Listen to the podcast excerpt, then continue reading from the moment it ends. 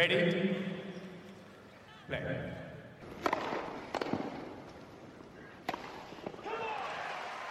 Merhabalar, Raket Servise hoş geldiniz. Ben Gökalp.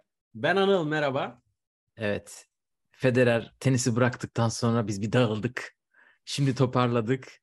Birkaç e, turnuva geçti. Bugün geçen turnuvaları kısaca değerlendireceğiz ve geçtiğimiz haftanın üzerine odaklanacağız. Çünkü çok güzel turnuvalar oynandı. Anıl nasılsınız? Federer bıraktığından beri bir gittik geldik ya tenise geri. Görkalp çok e, görünmese de Hala burada. hala oradayım. Hala oradayım. Hala Federer'desin. Hayatımın olarak. her yerinde yok. Tabii yani yapacak bir şey yok. Hayat devam ediyor. E, 42 yaşında kendisi. Kendisi zaten hayatına keyifle devam ediyor. Ama gerçekten hala da yeni videolar, yeni malzemeler çıkıyor. Geçen şey gördüm.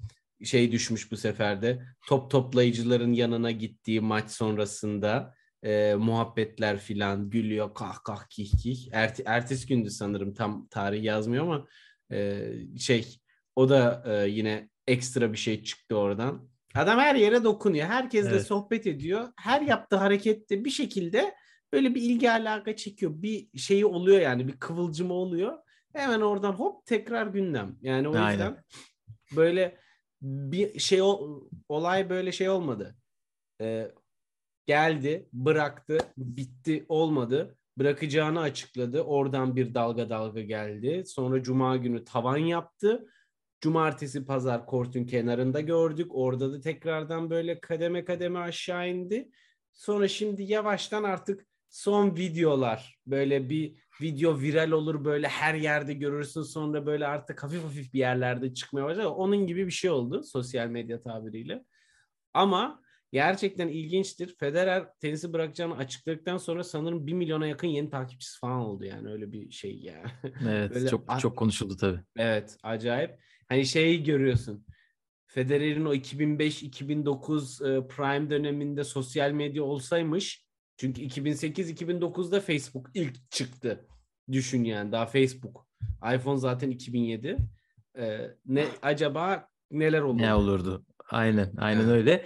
E, tabii yeni şeyler çıktı. Biz de iki çok değerli yayına katkıda bulunduk. Sokrates derginin Ekim sayısında ve Punto'nun geçen hafta ilk defa çıkardığı tenis sayısına biz de bir şeyler karaladık Federer için. Onları da mutlaka tavsiye edelim ve istiyorsan geçen haftanın turnuvalarına geçelim yavaştan. Evet. Gönlümüzden kopanları son bir böyle bir kaleme attık. O bizim için de böyle bir closure oldu gibi Gökalp. Ya yazdık tamam.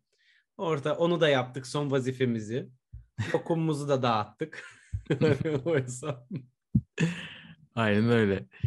Bir şeye bakalım istiyorsan. Bu hemen bitirdiğimiz 3 Ekim haftasından önce de turnuvalar oynandı. Biz Evet. böyle birkaç haftayı geçince sadece şampiyonları ve finalistleri söylüyoruz ki neler oldu, kimler puanlar kazandı, kimler form yakaladı onları bir kısaca hatırlayalım. 19 Eylül'de Lever Cup oynanırken ATP'de iki tane turnuva vardı. Biz bunları o zaman hiç konuşmadık tabii. Kimse 250 konuşmadı çünkü. Kimse konuşmadı. 250'lik Mets turnuvasında Lorenzo Sonego Sasha Bublik'i geçti finalde.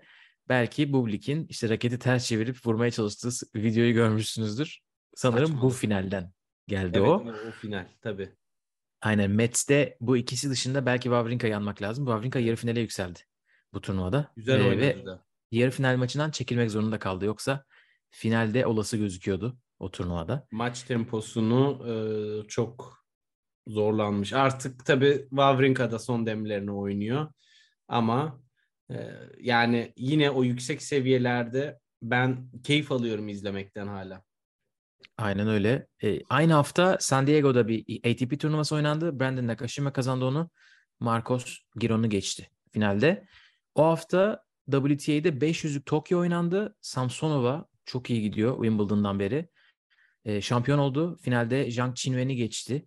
O da zaten bayağıdır takip ettiğimiz bir isim. O da finale yükseldi 500'lük turnuvada. Aynı Sonra haftada elendi. Bu hafta elendi. Zhang Qinwen geldi. Evet. Ondan iki hafta geçmesine rağmen e, herhalde Asya dönüşü bir şey yapamamış, alışamamış Avrupa'ya. Ama Doğru. artık tabii kapalı sert kort sezonu açıldı. Bunların neredeyse tamamı bu konuşacağımız turnuvaların kapalı sert kort. E, WTA'de o hafta 250'lik Seul turnuvası oynandı. Aleksandrova şampiyon oldu orada. Finalde Ostapenko'yu geçti. Raducanu da yarı finale yükseldi. o turnuvada. Bir de İsviçreli Lulu San e, ilk defa WTA'de çeyrek final gördü. Yükselişte olan isimlerden biri o da. Ertesi hafta artık fırsat turnuvası değil zor turnuvalara geldiğimiz Evet. hafta e, Tel Aviv turnuvası oynandı biliyorsunuz. Biz başını da yakından takip ettik çünkü Cem ana tabloya yükseldi. Çok İki iyiydi. Çok iyi maç oynadı. Korday, Korday'la da çok iyi maç oynadı. Yani e, Evet ana tabloda Sebastian Korda ile oynadı. 6-4 6-4 kaybetti. Çok yakın maç. ve serviste kırdı. E, çok da iyi oynadı bence. Tabii ki bu seviyede şunu görmek çok sevindirici. Korda çok büyük isimlere karşı zorluklar çıkaran ATP turnuvaları kazanmış bir isim. Ee, Böyle bir isme karşı kortta karşı karşıya olduğunda seviyelerin o kadar da farklı olmadığını görmek maçtan kayıp olarak çıksam bile otomatikman bir özgüven veriyor. O vuruşları daha rahat vurmanı, daha bir e, kendine güvenmeni ve maçları bırakmamayı e, daha çok e, sebebiyet veriyor. Ve bu açıdan bence galiptir bu yolda mağlup diyelim o maç için. Evet. Çünkü Kesin öyle. Elemelerde de Piroş ve Shevchenko. Hani Evet, iyi maçlar. geçen geçen sene Davis Cup'ta yaptıklarını hatırlarsınız. Acayip bir yükseliş gerçekleştirmişti. Shevchenko'yu da e, takip ediyoruz. E, hem ATP Cup Rusya zamanında işte yazın e, Avusturya'da team'e karşı oynadığı maç e, çok iyi yükseliyor o da. O iki rakibe karşı aldığı galibiyetler çok iyi oldu. Çünkü Cem'in sıralaması çok düştü. Bildiğiniz gibi e, 400'lerin dışına çıkacak neredeyse. evet, Ki bu puanlar ona ilaç gibi geldi. Hem yansıyor. e, sıralama olarak hem de özgüven depolamıştır diye düşünüyorum. Korda performansı da senin dediğin gibi. Ve hani burada şunu da e, söylemekte fayda var. Yani tabii ki bizim oyuncularımız Altuğ Cem de şu anda ATP'lerde oynuyorlar ki Altuğ'a da birazdan geliriz.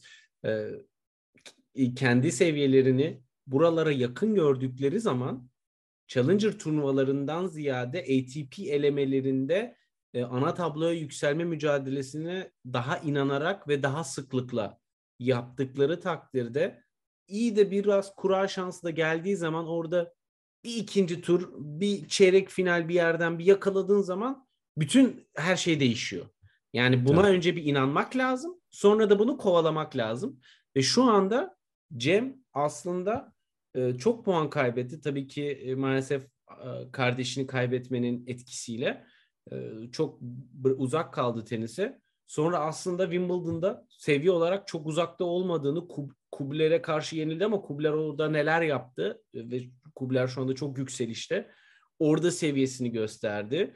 E, sonra sert zeminde tekrardan burada ana tabloya yükseldi. E, biraz hala belki de e, o maç pratiği eksiği vardı. Çünkü vuruş, servis bunları evet toparlıyorsunuz ama o bir maç oynayıp oynamak başka, 3-4 maç üst üste oynamak başka ve bunları da artık yavaş yavaş aştığını görüyoruz. Evet. Çünkü üçüncü maçında da üst üste ki ilk iki maç da kolay maçlar olmadı. Hala maçın sonuna kadar aynı şekilde devam edebilmesi. Bir tık ben e, ikinci setin sonlarına doğru e, pozisyon almada biraz zaman kaybı yaşadığını ve bundan dolayı vuruş derinliklerini e, kaybettiğini ve bundan dolayı da Korda'nın o alan bulduğu zaman çok hızlandırarak e, saldırabildiği o forentlerine biraz alan bıraktığını düşünüyorum. Ama yine de genel olarak çok çok sevindirici bir seviye. Çok çok iyi turnuva. Ee, uzun zaman sonra geldi ATP ana tablosu. Tel Aviv'de Djokovic şov yaptı. Laver Cup'tan sonra hemen oraya uçtu. Pazar günü Etkisiz. Laver Cup oynamıştı. Çarşamba ilk maçını oynadı Tel Aviv'de. E, çiftler de oynayacaktı ama çiftler partneri Jonathan Erlich son anda çekildi. Teklerde 4 maçını da kazandı. Finalde Marin Çiliç'i geçti ve e, o galibiyet serisine başladı demiyorum ben. Ben çünkü Laver Cup'ı saymıyorum. E, Laver Cup'ı saymazsak bu haftaki Astana şampiyonluğuyla beraber Tel Aviv toplam 16 galibiyet yaptı. Ama Tel Aviv onun herhalde geri dönüşünün kapalı sert kortlara çok iyi bir e, şey göstergesi. Çünkü Laver Cup'ta ufak ufak bileğinde bir sıkıntım var. Yok. Gayet iyi gözüküyor. Aktı. Ee, katılıyorum. Zaten kapalı sert zeminde hani e, sever. Nole sever. Aynen. Orada bir e, ironiyi de e, hemen ekleyelim çiftler partneri Erlik dediğin için. Djokovic tarihinde bir tane çiftler kupası var. O da Erlik ile. Evet. Ve aslında e, bu turnuvaya katılmasının ana motivasyonlarından birisi de Erlik'in kariyerindeki son turnuvasında onunla beraber oynamak, o güzel anıyı yaşatmak. Buradan da Nole'ye tekrardan bu konuda gerçekten kral hareket. Yani Duygusal sebepleri yok mudur diyorsun ana sebep olarak İsrail'e gidişin? yani tabii ki katılımcı parası falan var da Gökhan, Bence %80'idir diye düşünüyorum. Gökhan Oraya kusura bakma sebebi. adamın bugüne kadar kazandığı ödül parası 160 milyon dolar. Hiç yani- öyle deme. Ama Yüzde- ne olursa Onu falan olsun gelir. ne olursa olsun bak bileğinde sakatlığı falan da var. Ben takdir ediyorum. Ben de işe biraz daha para tarafından bakıyorum. Yine de takdir etmiyor değilim. Yani İsrail'e gidip oralı taraftarları sevindirmesi kadar güzel bir şey yok. Biz burada Federer'in buraya gelmesinden gördük. Hiç yanlış anlaşılmasın. Sadece o çok önemli bir rol oynamıştır diye düşünüyorum. E tabi şimdi zaten ilk 10 seviyesindeki isimlerin hepsini burada söylemek lazım. ATP 250'ye katıldıkları zaman bilin ki orada Tabii, bir tabii. 100 bin euro minimum bir cebe e, ayak bastı parası veriliyor katılım Evet, ücreti tabii, olarak. Ama isminiz Novak Djokovic olduğu zaman zaten hani sana adam 1 milyon da verse belki 1 milyonu direkt çıkarmıyor ama bayağı bir kısmını çıkarıyor. Tribünler öyle doluyor yani. O biletler öyle satılıyor. Nole de orada sonuna kadar gitti. Hiç salmadı. Bam bam bam. Bir de Yani adam acıkmış. Resmen aç. evet evet. Nole çok, çok aç. istiyor. Astana'da orada da şimdi konuşalım. Nole yani şey gibi kafese kapamışlar e, Rottweiler'ı. iki ay yemek vermemişler. İstiyorsan bir geçen haftayı bitirelim sonra hemen Astana'ya Evet. gelelim. yani. Tel Aviv'de e, göze çarpan başka bir performans Roman Safiulin orada yarı finale yükseldi. Altı bu hafta onu yendiği için o bizim için daha bir anlam kazandı. Aynı hafta Sofya'da çok dolu bir ana tablo vardı. Oradan Mark Andrea Hüsler şampiyon oldu. Holger Rune'yi finalde geçerek çok ilginç, beklenmedik bir şampiyonluk. Challenger'da iyi sonuçları vardı Hüsler'in ama ATP seviyesinde kayda değer bir şey yoktu. Tabii Federer bıraktı baktı İsviçre yine bir kupa lazım. İş başa düştü. Yine İsviçre'yi kupasız bırakmayalım demiş Hüsler. Kesin, aynen öyle. Tabii. Ee, bir- Bir turnuvada Seul'de oynandı ATP'de. Nishioka şampiyon oldu orada. Shapovalov'u geçti finalde. E, WTA'de iki turnuva oynandı. İkisi de 250'lik. Biri Parma. Parma'da Mayar Şerif şampiyon oldu. Maria Sakkari'yi geçti ve WTA galibiyet. kupası kazanan ilk Mısırlı oldu Mayar Şerif. E, Ons Jabeur'ü yalnız bırakmıyor. Kuzey Afrika şampiyonlarına o da katıldı. Müthiş akım. Oradan Ana- Evet Yani- aynen öyle. Ana Bondar, Simona Waltert, Lauren Davis, Ana Bogdan'ı geçti finalden önce. Ee, çok iyi galibiyetler Mayer Şerif için. Dördü birden zaten Sakkari galibiyeti finalde. Ayrı övgüyü hak ediyor. Yine ilham aldık bu şampiyonluktan. Tallinn'de 250'lik oynandı. Ee, orası bize yine düşe düşe ilham mı düştü Gökhan? İnşallah ileride ilhamdan başka şeyler de düşer. Tallinn'de galibiyet serisine başlayacağını o zamanlar kestiremediğimiz seneye çok iyi başlayıp sakatlıktan sonra bir ne olduğunu şaşıran Barbara Krejcikova şampiyon oldu.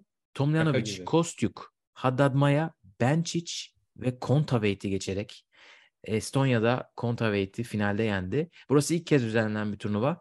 Buradan önceki 8 maçının sadece 3'ünü kazanabilmişti Krejcikova. Orada bir başladı, pir başladı. Bu haftaya gelelim istersen çünkü bu haftaya hem Krejcikova hem de Djokovic bağlanacak. Bu haftaya e, bence bağlanalım çünkü zurnanın zırt dediği yerdeyiz.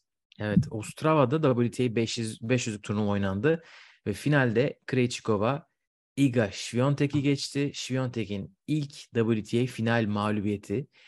E, Krejcikova üst üste 9 maç kazanmış oldu böylece. E, burada da çok iyi maçlar çıkardı. E, 5-7'ydi 6-6-3. Bir de ilk seti kaybetmişken Świątek'e karşı geri gelip kazanması bayağı etkileyici. Eforsuz ve etkileyici forehand e, geri gelmiş Gökhan. Evet zaten çok seviyor. Aslında Fransa açığı kazandı ama kapalı sert kortları çok seviyor Krejcikova. Bunu zaten Fransacı kazandığı zaman da konuşmuştuk. Yani Evet. toprakçı biri değil ama toprakta hem tekleri hem çiftleri kazandı. Böyle de e, ironik bir durum vardı. Yani böyle her yere adapte olabilen bir oyunu var. Ee, servis iyi. E, forehand squash vuruşu çok can yaktı. Şiviyontek'e karşı o kadar böyle direkt getirmedi o puan ama ondan önceki roundlarda bayağı can sıkmış diğer rakiplerine karşı. Ama Şiviyontek'i yani ilk set 5-1'de Şiviyontek set servis atmış. Hani oralardan gelip yenmek bir de seyircide seyircinin önünde hani biraz baskı var ama seyircinin tam desteği de yok. Çünkü ben maçın son setinin e, ikinci yarısını tam izledim. Onun dışında özet izledim. E, inanılmaz bir atmosfer vardı. Gördün mü bilmiyorum. Yani Yok. bir kap- kapalı kort olmanın verdiği bir etki vardır büyük ihtimalle ama yani herhalde Serena ve Federer vedalarını bir yana bırakırsak bu sene bu kadar büyük, güçlü bir atmosfer izlediğimi hatırlamıyorum tenis maçı olarak. Ki çok fazla insan da yoktu. Onun için diyorum kapalı kortun da etkisi vardır. Ama Świątek'e destek o kadar fazlaydı ki artık Aşırı. Google haritalarından Ostrava'ya açtım ve tabii ki Polonya sınırının dibindeymiş. Final maçına baktım ben de ya. Final maçı şeydi. Yıkıldı gerçekten. Müthişti. Yani önceki roundları bilemiyorum. Ee, ama yani Evet, yarı Zaten- finale kadar bu kadar en azından Krejcikova'nın maçları bu kadar değilmiş. Yani e, bence Avrupa'da özellikle bu e, o bölgede Çekoslovakya işte Polonya falan özellikle kadınlar tenisine karşı müthiş bir ilgi var. O yüzden zaten mesela Prag WTA 125'te yapıyor. Orada da seyirci geliyor. E, ve bu hem turnuva sayısını hem para ödülünü hem motivasyonu maçın seyir zevkini direkt arttırıyor yani. Evet, Krejcikova birden geri döndü böyle ve e, Tallinn'deki maçları saydık. Burada Świątek'i geçmesi, yarı finalde Rybakina'yı geçti. E, çok iyi. Ya burada hikaye yaratanlardan birisi Alicia Parks'tı mesela. İlk defa WTA Evet. çeyrek finale yükseldi ve Katie McNally de çeyrek finale yükseldi ve beraber çiftlerde şampiyon oldular bu ikili. Orada da Parks'ı geçti e, çeyrek finalde. Krejcikova için çok iyi e, bir hafta. E, Świątek e, Dünya Akıl Sağlığı Günü doğru çeviriyorsam World Evet. Mental Health Day için e, yine geçen sene yaptığını yaptı ve turnuvadan kazandığı ödül parasını e, akıl sağlığına e, akıl sağlığı, sağlığıyla alakalı bir vakfa bağışladığını açıkladı. E, Świątek'le alakalı bunu söyleyebiliriz. E, bir de Alicia Parks'ı söylemiştim. O da bu turnuvada hem Karolina Pliškova'yı hem de Maria Sakkari'yi yenerek bir ismini tanıttı. Herhalde Ostrava'ya dair bunları söyleyebiliriz. Alicia Parks'ı biliyorsun Roland Garros'ta izlemiştik. Evet. Kız serseminde canlar yakar demiştik. O da genç yetenek. Ee, ama yani ne olursa olsun senenin bu döneminde fırsat turnuvası gibi görünmese de tabii ki oyuncuların yorgunluğu, senenin sonu artık olması biraz daha böyle e, aç oyunculara alan yaratıyor. Ve tabii ki iyi isimlere karşı gelen galibiyetler özgüven de kazandırıyor. O momentumu alıp iki, bir sonraki senenin başında ne yapacaklar artık onlara kalıyor. Çünkü tabii Avustralya açık. Can pazarı. Tabii tabii aynen Can öyle. pazarı. Evet bu isimleri bu önümüz ya bu hafta başlayan 10 Ekim haftası hemen izleyeceğiz çünkü artık Amerika'ya geçti WTA, Kuzey Amerika'ya ve 500'lük San Diego turnuvası var.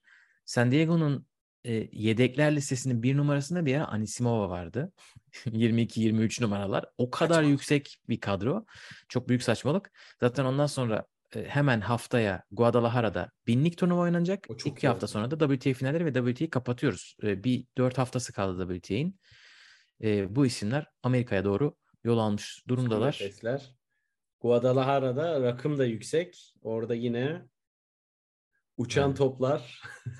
Bakalım kimin canını yakacak. Serzemin tadında e, oyunlar artık. Kim kime tutturabilirse düz. Spin min yok. Aynen öyle. Vur. Bu hafta WTA'de 250'lik Monastır'da oynandı. Ons Jabeur oraya gitti ve Tunus'u herhalde bir yerinden oynatmıştır. Yani ben bir kez daha Ons Jabeur'ün Tunus için ne kadar büyük bir figür olduğunu görmüş oldum. Ha, halk kahramanı gibi gerçekten orada şu anda. Yani müthiş bir e, ilham kaynağı. Buradan ötesi var düşüncesini yaratan bireysel e, bir yani rol model bir ikon haline gelmiş e, orayı çoktan geçmiş acayip bir şey. Tabi zaten Arap tenisi için yaptıkları çok çok büyük. Kazansaydı tabii başka olurdu ama Aynen, çeyrekte kaybetti ne yazık ki. Dünya iki numarası olup 3-4 hafta önce Amerika açıkta final oynayan bir temsilcin ülkene geliyor. Ve sen tenis ülkesi değilsin. Ee, ve işte izleyeceksin. Düşünebiliyor musun? Biz düşünmeye devam edelim. Muhtemelen kortun altından tünel kazarız bilet bulamazsak. yani. Aynen, aynen öyle. Ee, bu turnuvada Elize Mertens şampiyon oldu. Alize Ve nasıl nasıl o Eliza Mertens inanılmaz bir momentum yakaladı yine Gökalp. Evet. Yani zor, zor maçlar kazandı Evet. turnuvanın başlarında. Papa Mihail'e set kaybetti. Ondan sonra sanırım Uchijima'ya set kaybetti. Ee, sonra ama Cornet'in gözünün yaşına bakmamıştı. İki oyun vermiş sadece. Sıfır. Ağlattı. Evet burada Uchijima da e, WTA Insider'ın böyle sık sık ön plana çıkarmaya başladığı bir isim. O da 21 yaşında ilk WTA çeyrek finalini gördü. Onda da bakalım neler var. Takip edeceğiz. Gelelim Astana'ya. Her sene adını değiştiren Kazakistan başkentinde. Bu sene Astana'dayız. Ve 250'lik değil 500'lük bir turnuva oynandı bu sene. Çin takviminin olmamasından dolayı böyle bir e, değerlen- değerlendirme oldu. Bu turnuvayı Novak Djokovic kazandı. Finalde Tsitsipas'ı geçti. Djokovic'in dediğim gibi Lever Cup'ı saymazsanız arka arkaya 16. galibiyeti son 26 maçında tek maç kaybetti. O da Roland Garros'ta Nadal'a karşı. E, yani o zamandan beri maç kaybı yok. Acayip oynuyor. Bu sonuçla beraber ATP finallerine gitmeyi garantiledi. Ne diyorsun Djokovic'le alakalı? Yani böyle e, eğitimlerde, seminerlerde resilience diye bir e, konu işlenir. Bunun eğitimi verilir. Böyle şartlar ne olursa olsun, hayat nereye giderse gitsin, stres seviyesi ne kadar yüksek olursa olsun bununla nasıl başa, başa çıkılması gerektiğine dair. Yani 2022 senesinin Novak Djokovic'in bence tam olarak bu kelime özetliyor. Her şeye rağmen asla odağını kaybetmedi ve o kadar önde ki Gökalp o kadar önde ki ilerideki Evet. oyuncu rakiplerine göre yani şey izliyorsun e, maçları o bir tık seviye farkı olduğu zaman gerçekten hiçbir şekilde rakibin bir umudu kalmıyor. Ve mesela ilk Tel Aviv'de de Astana'da da özellikle erken turlarda aman aman servis performansları görmedik. Ama ona rağmen tabii ki rally oyununu o kadar rahat domine ediyor ki bir tık yüksek tempo, sağ sol drop shot. Zaten drop shotları ne yapıyor? Rüyasında mı çalışıyor? Böyle koluna aparat taktılar da o böyle artık bir refleksif bir şey mi haline geldi? Acayip. Ve dolayısıyla oyuncular yani o varyeteye sağ sol drop shot karışımına hiçbir şekilde direneme, direnemediler. Ama tabii ki Medvedev maçı bambaşka bir parantez. Orada Evet. Danil'i izlemeyi de özlemişiz. O da çok iyi bir seviyedeydi. Çok iyi bir seviye. Evet, Müthiş evet. maçtı. Bu Djokovic'i e, aklıma işte resilience geliyor dedin. Sanırım dayanıklılık olarak çevirebiliriz herhalde onu. Hı hı. Ee, sen öyle deyince aklıma şey geldi. How I Met Your Mother'da Barney'nin ofisinde böyle öyle kelimeler ve resimler vardı. Tam böyle dayanıklılık deyip Djokovic'in set kazandıktan sonra bağırışını koyabilirsin postere. Evet. Öyle düşündüm. Medvedev maçında tiebreak'i kazanmış. Yani kötü oynuyorum, kötü oynayarak kazanacağım. Ama Medvedev'e karşı bile kazanacağım yani. Hani öyle bir noktadayım. Hem özgüven olarak zaten hem de yani gerçekten Djokovic'i izlerken Federer'le ilgili mesela nasıl estetik, güzellik duyguları böyle ön plana çıkıyorsa Djokovic'le ilgili benim aklıma hep böyle verim geliyor. Yani muhteşem verimli vuruşları. Bazen görüyorsunuz spin'i istediği zaman sıfıra indirip sadece derinliğe oynuyor. Diyor ki ben burada spin'i keseceğim ve sadece hatta raketi böyle tava gibi tutup böyle vuracağım karşıya. O gidecek yani gidebildiği kadar gidecek ki karşıdaki içeri giremesin.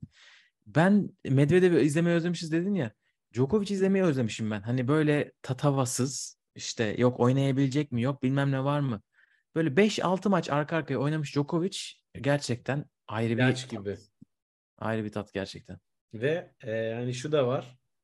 Sen öyle deyince benim e, aklıma yani ben Djokovic izlerken koşu bandını e, görüyorum.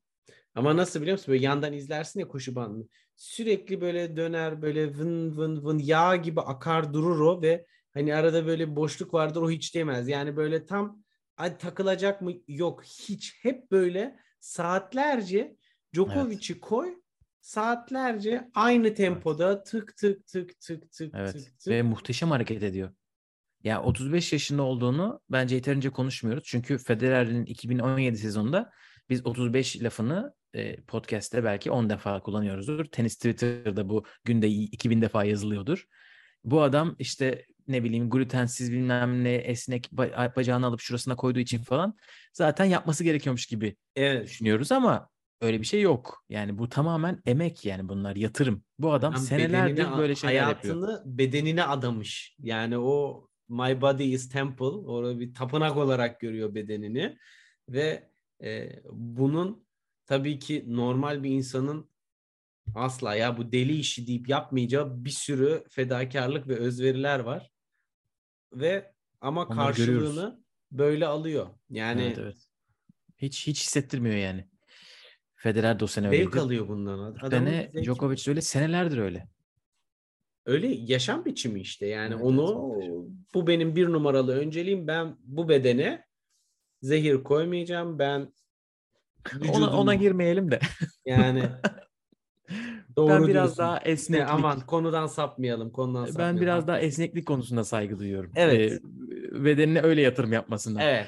Ee, Yoksa başka şeylerle değil. Ee, ama set kaybetmedi hiç neredeyse ki bir set kaybedene kadar o maçı istiyorsan bir konuşalım. Çünkü tenis, böyle bir tenis maçı izlemedik biz. Müthişti. Medvedev maçı.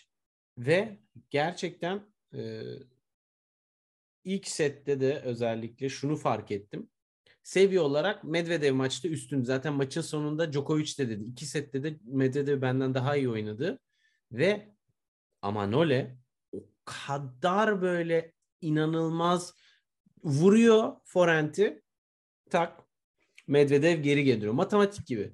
Yolluyor backhand'e onu dediğin gibi o kadar derine atıyor ki Medvedev kortun 3 adım gerisinde onu geri yolluyor. O sırada zaten atacağı derinliği ezbere bildiği için sanki bilgisayar programı gibi yönettiği için maçı e, Evet. o 3 adım geride olacak. Benim vaktim var. Ben kortun içine gideyim diyor. Geri çizginin bir adım içine geliyor. Drop shot'ı forehand tarafının önüne doğru bırakıyor ve bunu böyle 20 kere falan yapıyor. Evet. Ve ama işi, işte manyak tarafı Medvedev bunların hepsine neredeyse yetişti. Ve hepsini geri yolladı. O da öyle bir manyak. Ondan sonra bu sefer e, Medvedev de dra- drop shot bırakmaya başladı. Böyle maç garip bir hal aldı. Resmen şeye döndü iş artık. İşte şey XOX oynanır ya sen şuraya koydun ben buraya koydum hop. Ondan sonra aa dur ben buraya koyayım topu sen oraya koy. Aa alan boş kaldı filan böyle garip garip şeyler oldu maçta. Ve ikisi Aynen. de tabii ki Medvedev zaten genel olarak sadece Tefal sponsorluğunda oynadığı için e, hani onda sürekli dümdüz vuruşlar fakat Medvedev'i maçta e, aslında bana sorarsan maçı kazanmaya daha yakın kılan ve aslında e, çok da yaklaştığı nokta temel olarak servisinin çok daha iyi çalışmasıydı. Medvedev, Medvedev müthiş rahat servisi çıktı servis mı, oyunlarında. Kapalı sert kortta servis çalıştı mı? Zaten o sezonları hatırlıyoruz. 2019 işte 20 Tabii. 6 Acayip. final üst üste. Sonra arkadaşlar ben bir- biraz dinleneceğim deyip öyle kenara çekilmişti. evet evet. Ve e, ama e, Medvedev'in ben atletizmine e, hayran kaldım. Djokovic'e zaten hani diyorsun ya artık normal kar yani Djokovic bu atletizm, dayanıklılık, esneklik, ön arka hareketlilik konusunda işin zirvesi. Medvedev oraya yaklaştığı ve o denkliğe ulaştığı için hayranlık uyandırdı. Yanlış anlaşılma olmasın. Fakat işte bu ileri geriler, ileri geriler bir anda zaten e, maçı bitirdi. Ne olduğunu anlamadık. Ve Evet, evet, çok ilginç. Yani ilk seti kazanıyor Medvedev. İkinci set tiebreak. Tiebreak çok gelip gidiyor. Ee, bir önce Tam Djokovic başlıyor. Medvedev e, geri geliyor derken e, iki sayı farkla Djokovic alıyor ve o daha bağırmasını bitirmeden Djokovic hakemin elini sıkacak neredeyse. Biz ne Ve- olduğunu anlayamadık. orada kırılma noktası tam 5-5'te Medvedev voleye geliyor. Kort bomboş ve fileye takıyor. Kendi servisinde. Dolayısıyla 6-5 geriye düşüyor. 6-5 önde olup set puanına return yapacakken Djokovic kendi servisinde seti kapattı. Biz dedik ki Evet. tamam. Gayet normal her şey. Ve maç da çok iyi kıvama geldi. Üçüncü set izlemek istiyor herkes. Evet, Televizyon başında, stadda.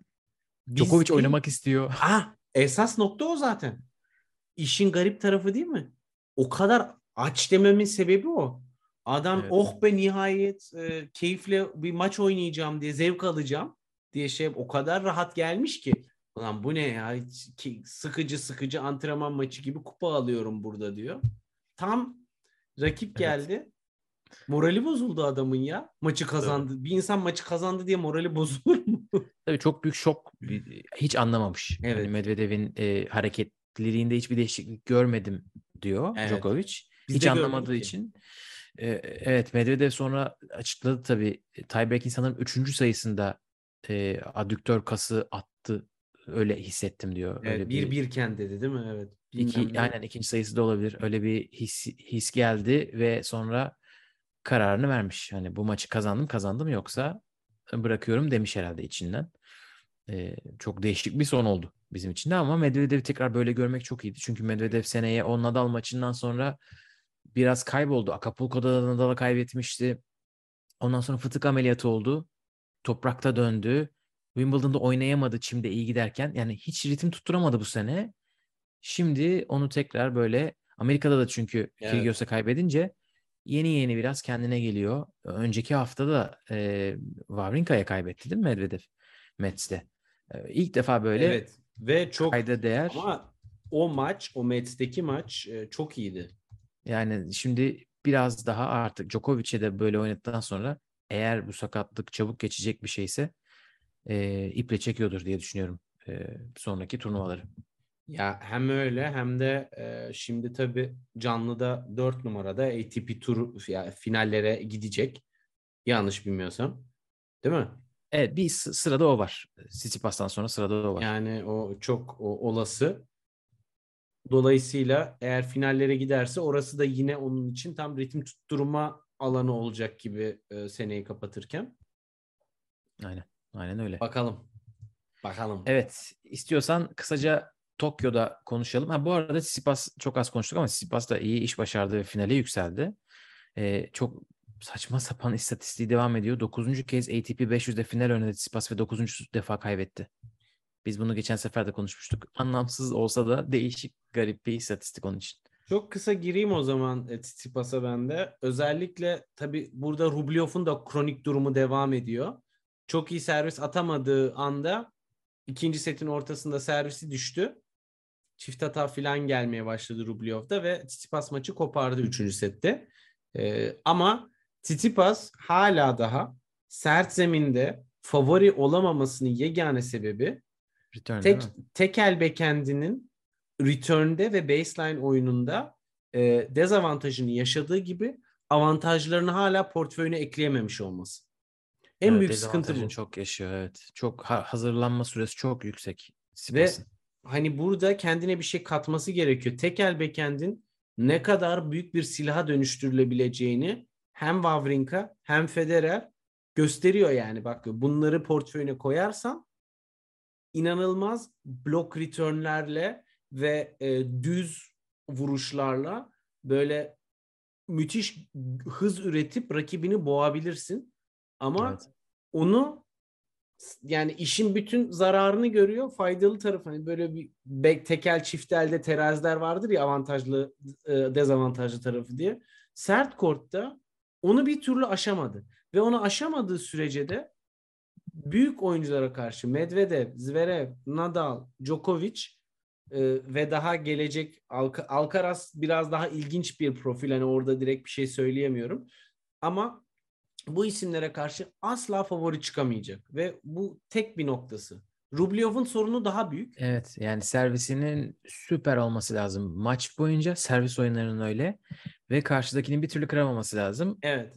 Federer O da maçları. olmaz. O da olmaz. Federer yani. Maçları. seviyede Avustralya'da kazandığı Federer maçı. işte Hopman Cup'taki Federer maçı. Aynen. Öyle maçlar olması lazım. 7-6, 7-6, 7-6'larla kazanacak. Çok nadiren yani hani onun e, o, o seviyede olması tabii sürekli olması çok zor. E, ama gel gör ki bu sene ATP'de en çok maç kazanan isim kendisi. 53 maçla. Ben buna şaşırdım. Ben çünkü Tsitsipas'ın çok büyük bir sonuç almamasından dolayı hani bu kadar maç kazandığının farkında değildim. 53 ile lider, 52 ile Alcaraz, 47 ile Ruud, 46 Nori, 45 ile Sinner geliyorlar arkasından. Evet, bir ara Ruud da çok e, iyi gidiyordu o galibiyet konusunda ama işte arada biraz e, fark oluyor turnuva seviyesi olarak. Fakat İstiyorsan, e, aynen zaten bu bahsettiğimiz hakikaten sert zemin özelinde bir şey. Bence e, tabii Toprakta çime de yansıyor ama toprakta arayı çok net kapatıyor tabii ki. Aynen öyle. Tokyo'da da bir 500'lük turnuva oynandı. Astana'dayken herkes Evet. duygusal sebeplerle tahmin ediyorum. Kazakistan. Tokyo'da biraz daha avantaj e, sağlanabilecek bir ana tablo vardı. Kasper Ruud bir numaralı seri başıydı ve ilk turda elendi. E, Alcaraz da bu arada Alcaraz konuşmadık ama Ya e, Alcaraz Astana'da da- ilk turda elendi. Ama o da yorgundu. Ruud da yorgundu, Alcaraz da yorgundu. Evet. Şanslı kaybeden David Goffen'e kaybetti Alcaraz. E, Kasper Ruud da ilk turda kaybetti. E, Tokyo'da şampiyon Taylor Fritz oldu. Taylor Fritz 3 senedir şampiyon olamıyordu. 2019'da bir kupası vardı ATP'de. Bu sene Indian Wells'i kazandı. 1000'lik, bir 250'lik kazandı. Şimdi de bir 500'lük kazandı. Finalde Francis Tiafoe'yu geçti. Tiafoe 7-6 7-6 kaybetmiş. İronik çünkü Tiafoe 12 tiebreak kazandı üst üste şimdiye kadar. Amerika açıklardan gelen Lever Cup dahil. Lever Cup burası E, ama bu sefer 7-6 7-6 ile kaybetmiş ve Taylor Fritz çok mutlu çünkü kendi sıralamasını, gelişimini bu kadar gözleri açık bir şekilde takip eden başka bir oyuncu bilmiyorum ben. I'm in top 10 diye bağırıyordu. Yarı final maçından sonra finalden sonra zaten 8 numaraya kadar yükseldi. Adam 8 dedi. Evet, Çok iyi ama gidiyor. Lever Cup sonrası tabii ki e, Avrupa özelinde Fritz'e destek daha yüksektir diyebilirim. Olabilir. Aynen aynen olabilir. Ee, evet Tokyo'yu da bu şekilde çok kısa özetlemiş olduk ama herkes Astana'daydı. İstiyorsan haberlere geçelim. Turnuvaları konuştuk. Ee, tabii bu hafta oynanacak turnuvalar var. Altun maçı var. Birazdan başlıyor. Onun Az sonra Altun yayında. Evet Altun Floransa'da ana tabloya yükseldi. Bir numarayı geçti Safiulin'i. 8 numara Vavassori'yi geçti. Ana tabloda Zeppieri ile oynayacak ilk Ve turda. set kaybetmeden geçti. Ana tabloda da wild card'la oynayacak çok iyi kura. Kılçıksız kura. Yani buradan işte bir ikinci tur gelme şansı var ve ATP 250'de ikinci turu görünce gelecek puan tabii ki müthiş nefes aldırıyor. İşin para tarafı da tabii e, Ee, cabası. Şeyi merak ediyorum. İtalyan olduğu için tabii ana tablo merkez kort akşam seansı ilk maça koymuşlar. Onun için atmosfer nasıl olacak bir meraktayım. Eleme son maçında bile acayip atmosfer vardı Gökay. Vardır tabii mutlaka. O da İtalyandı. E, kız arkadaşın Instagram'ında e, var Altun. E, orada o son şey. Tribünler bayağı dolu. Ortaya geldi raket falan kaldırdı yani. Öyle bir kalabalık vardı. Evet bakalım birazdan başlıyor maç heyecanla. Siz dinlediğinizde sonucu öğrenmiş olursunuz ama umutluyuz. Güzel bir sonuç olabilir diye ben de düşünüyoruz. inanıyorum. Ee, bu hafta Altun oynadığı Floransa'da turnuva var. Felix ve Berrettini oradaki ilk iki seri başı.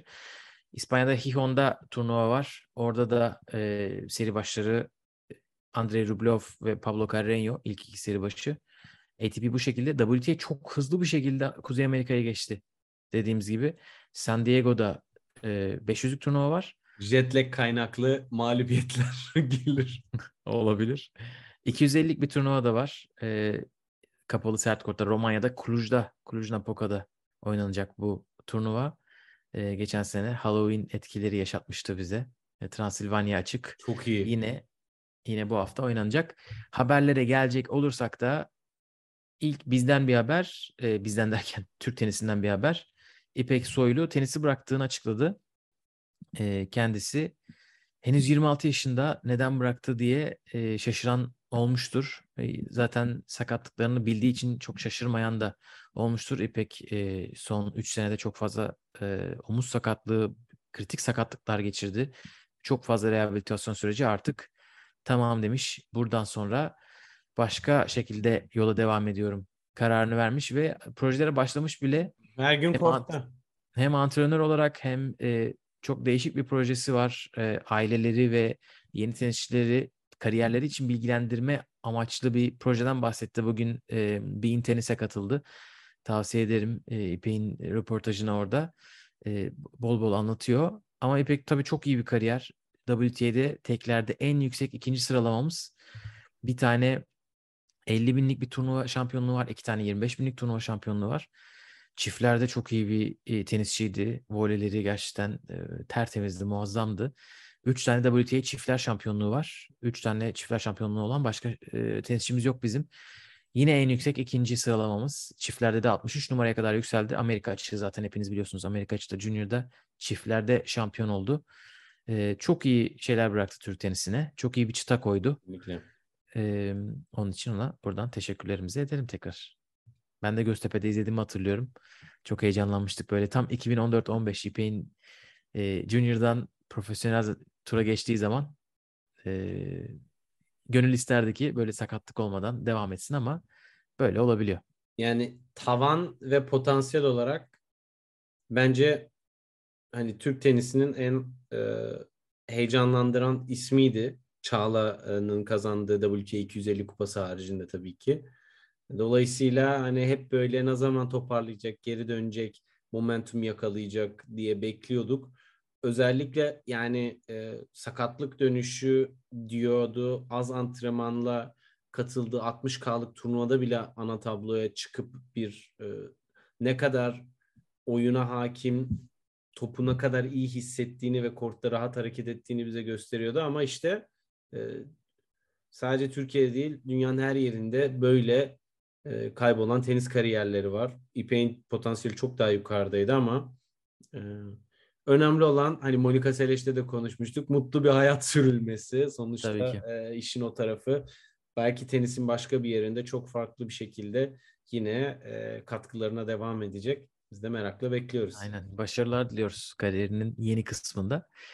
Ee, bizden devam edelim. Bulgaristan'a bir çıkarma yaptık. Bir sürü oyuncumuz Sozopol'de 25'lik turnuvaya gitti ve birbirlerini çektiler.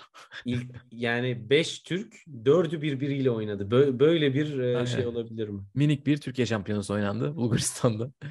Oradan bir çeyrek finalist çıkardık. İlay Yörük e, elemelerden gelip çeyreğe kadar çıktı ve sonradan baktık şimdi tabii şampiyona kaybetmiş olmuş. Çeyrek finalde kaybetti. E, genç bir isme. E, başarılarının devamı dileyelim Ve, ve, ve hani şunu da eklemek lazım. O 25K turnuvasında yani 5 isim ana tabloda geldi de birbirleriyle eşleştiler değil. E, Ayla da İlay da elemeleri oynayıp e, rakiplerini yenip oraya çıktılar. Yani 5 Türk'ün orada olması ana tabloda e, sadece hadi oraya gidelim demekle olmadı. Onu da eklemek lazım. Ayla, hiç, Ayla da Berfu'yu geçti. Onun için de değerli bir galibiyetti tabii ki e, 25K ikinci tur. Ama e, bunu görmek sevindirici. Çünkü bence birbirlerini de böyle turnuvalarda görüp e, yukarıya çekmeleri, o bahsettiğimiz piramidin alt tabanında rekabetin oluşması ve hepsinin beraber tekrar yukarı çıkabilmesi için çok çok önemli. Evet inşallah bir sonraki turnuvalarda birbirlerini ilk turda çekmezler de elemeden sonra çeyrek final itibariyle izleriz onları birbirlerine karşı. Bir Pozo Blanco finali neden kadınlarda olmasın? Tabii ki.